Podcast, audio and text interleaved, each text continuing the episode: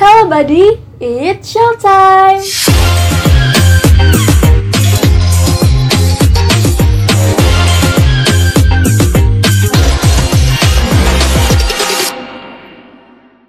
Halo semuanya, selamat datang dan kembali lagi di channel podcast aku.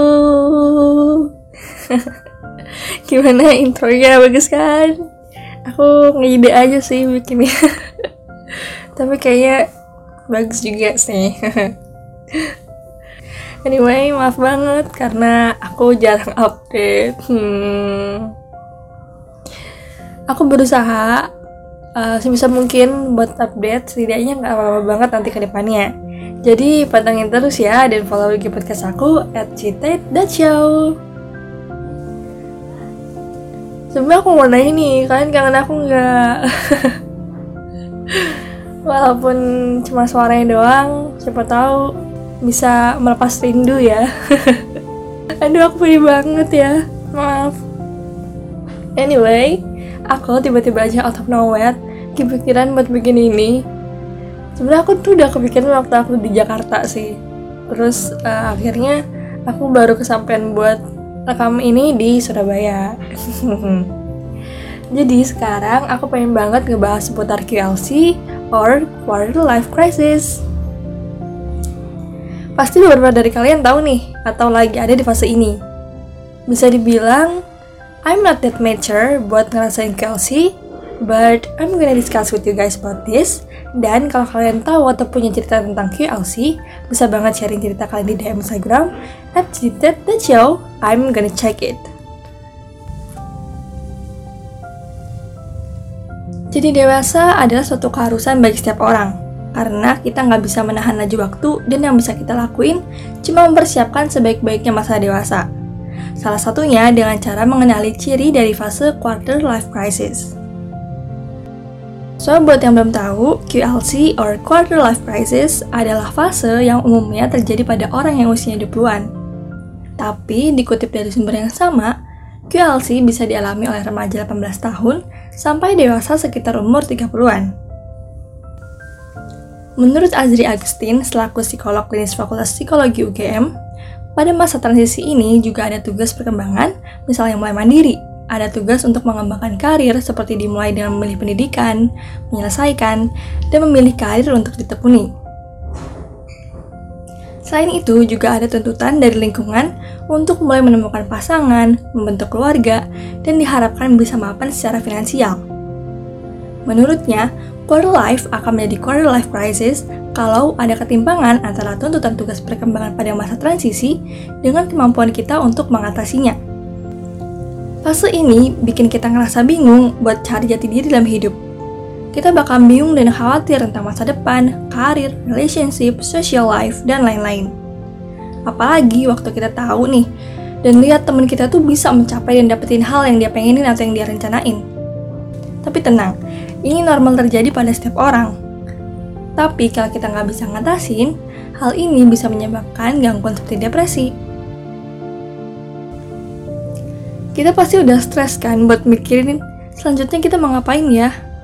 Jangankan buat masa depan, buat hari besok aja kita pasti mikir banget. Misalnya nih, hal kecil kayak mau makan apa ya besok? Besok aku bakal ngerencanain apa ya? Besok mau ke mana ya? Sampai ke hal yang I think everyone thinks about it. Setelah lulus, mau ngapain ya? Atau setelah kerja, nanti mau ngapain ya? Bisa nggak ya aku ngelewatin ini? dan hal-hal besar lainnya yang bikin kita jadi overthink. Dan itu bakalan terus menghantui kamu dalam sehari-hari, mulai dari kamu bangun tidur, beraktivitas, sampai balik lagi ke rumah buat istirahat. Atau contoh lainnya ada di media sosial, karena kita ngebandingin diri sama orang lain yang dinilai lebih baik secara fisik, prestasi, karir, bahkan percintaan. Apalagi nih kalau yang dijadikan perbandingan itu ada teman sendiri jadi bikin kita makin gak puas kan sama apa yang kita udah capai saat ini? Belum lagi nih, tuntutan sosial untuk yang berusia 20 ke atas. Misalnya, tuntutan buat ngeraih pencapaian yang sesuai dengan standar publik. Hal yang paling mendasar yang menimbulkan QLC adalah tuntutan untuk bersikap lebih dewasa dalam menentukan arah tujuan hidup dengan tanggung jawab yang besar. Kapan lulus, kerja di mana, kapan nikah, udah punya anak apa belum, dan pertanyaan lain dari diri kayak, aku harus ngelakuin apa ya? Pilihan aku bener nggak ya? Aku sebenarnya mau apa sih? Kenapa ya dia lebih sukses daripada aku? Nah, itu adalah beberapa pertanyaan yang akan selalu kamu lontarkan ataupun dilontarkan ketika kamu terjebak dalam ketakutan. Nggak cuma itu, orang yang mengalami quarter life crisis bahkan sering mempertanyakan eksistensinya sebagai seorang manusia. Bahkan ada juga loh orang yang sampai ngerasa bahwa dia nggak punya tujuan hidup. Aku sendiri uh, sebenarnya bukan self claim ya, tapi aku ngerasa kalau aku juga sedang berada di fase QLC. Karena aku mulai sering mikirin ke depannya aku bakal gimana, bakal jadi apa. Contoh gampangnya gini, kita semua pasti punya cita-cita kan? Entah itu bakal berubah tiap saat, atau kalian akan tetap kekeh di pilihan kalian, itu tergantung dari diri kalian. Pede nggak sih buat ngegapai ini? Tapi di saat ini tuh aku lagi nggak pede dan ngerasa ragu, khawatir, dan bahkan bingung. Gimana ya aku bisa ngewujudin itu? Atau apa aku bisa? Quarter life crisis dinilai berdampak pada 86% kaum milenial yang sering merasa nggak nyaman, kesepian, dan depresi dalam hidupnya. Terlepas dari itu, fase ini merupakan hal yang penting untuk dialami seseorang. Salah satunya untuk mengenali diri secara lebih mendalam dan mempersiapkan berbagai kemungkinan yang ada di masa depan. Di fase quarter life crisis, kalian pasti ngerasa ada yang aneh. Jadi misalnya, yang semula kita cuma bertanggung jawab untuk nilai pelajaran, absen kelas, dan hal yang kita rasa mudah, sekarang lebih banyak hal yang perlu kita kerjain dan pikirin. Kalau kita udah ada di fase ini tuh bener-bener nggak bisa mikirin hal yang bikin kita bahagia.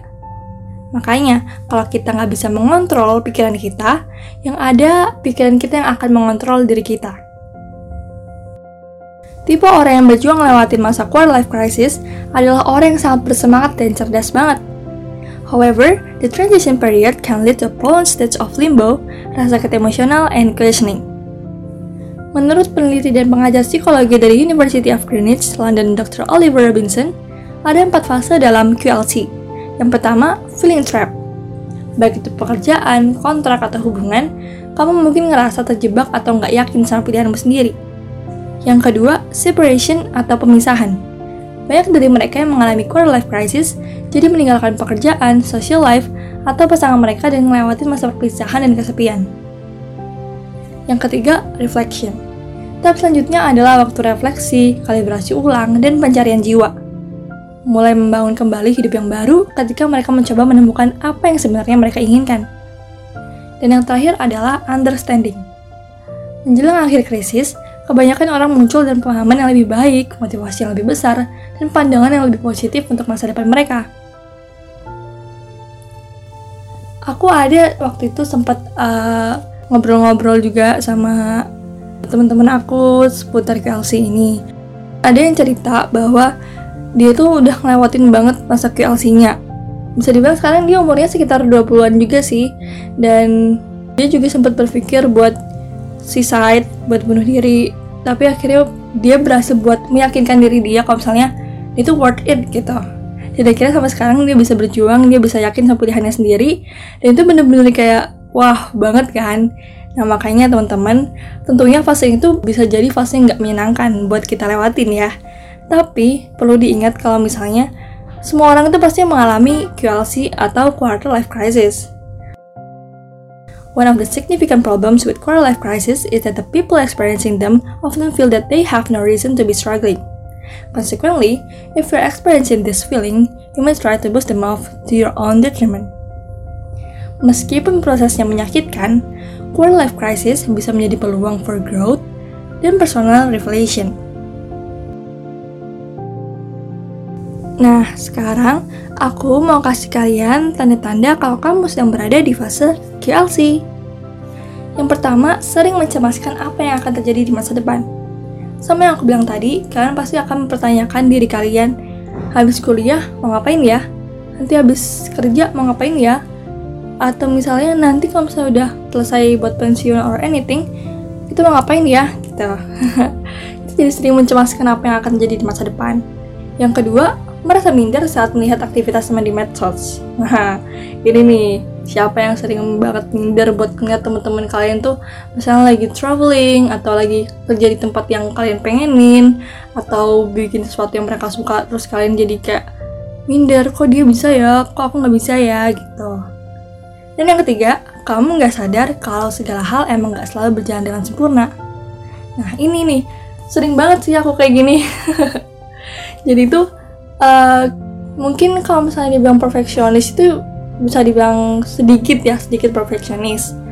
Cuma kita tuh harus tahu kalau misalnya nggak semua hal itu bisa berjalan dengan apa yang kita mau dengan sempurna gitu intinya. Dan yang keempat kamu selalu menerima ekspektasi dari orang lain. Nih ini yang biasanya dikasih oleh orang tua kan ya? Atau misalnya orang-orang lain yang kayak aku sering banget sih kayak menerima ekspektasi dari orang lain. Uh, misalnya kayak ada di suatu organisasi aku di bagian ngedit dan mereka kayak bener-bener ngasih ekspektasi yang lebih gitu ke aku.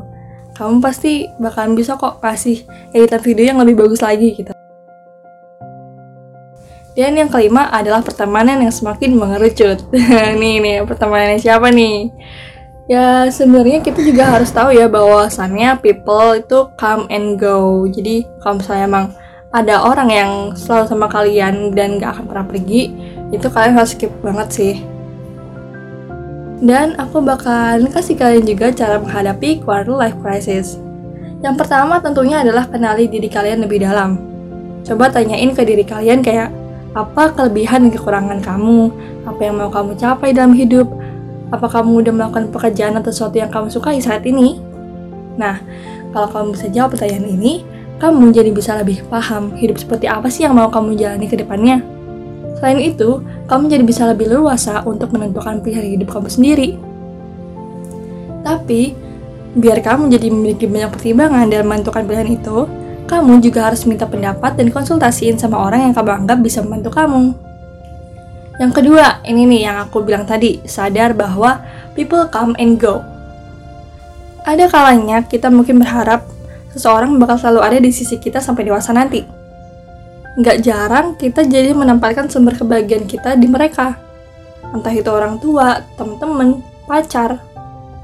Padahal kita juga nggak pernah tahu kan kapan mereka bakal ninggalin kita tiba-tiba. Mungkin ditinggalin tanpa sebab, atau selamanya. Yang ketiga, batasi penggunaan media sosial. Nggak jarang kan uh, media sosial mungkin bikin kita jadi ngerasa insecure. Salah satunya karena kita membandingkan pencapaian diri sama mereka gitu. Entah itu membandingkan kesuksesan, looking, sampai hidup yang bahagia. Makanya, coba buat membatasi penggunaan media sosial dan fokus menjalani hidup kamu saat ini. Yang keempat, bersabar dengan proses diri kamu. Yang kelima, lakukan hal yang membuat kamu nyaman. Dan yang keenam, jauhin diri dari orang yang memberikan dampak negatif. Untuk menghadapi quarter life crisis, fokus dan komunikasikan harapanmu, kendalamu, dan komunikasikan dengan orang sekitar karena obat terbaik adalah obat yang tersedia. Dan menurut Dr. Roni Triwirasto, selaku dosen ilmu kedokteran jiwa FKKMK UGM, prioritasin hal-hal yang besar terlebih dahulu, misalnya keluarga, teman-teman, dan sebagainya. Dan jangan biarin kita mengisi hidup kita dengan sesuatu yang gak penting, dan gak terikat dengan kehidupan. Karena kalau kita mengisinya dengan hal yang gak penting, maka kita akan kehilangan arti kehidupan itu sendiri. Jadi, quarter life crisis ini adalah fenomena yang banyak terjadi di masyarakat. Pada usia berapa itu terjadi, tergantung pada lingkungan dan tuntutan sosial yang dialami masing-masing individu. Dan, walaupun kelihatannya meresahkan nih, quarter life crisis juga bisa menjadi titik balik untuk menentukan tujuan hidup dan melakukan yang terbaik untuk tumbuh menjadi pribadi yang tangguh dan bertanggung jawab. Hidup di usia 20-an merupakan fase hidup yang punya tantangannya sendiri, karena kita menginjak usia di mana kita beralih dari remaja menuju dewasa.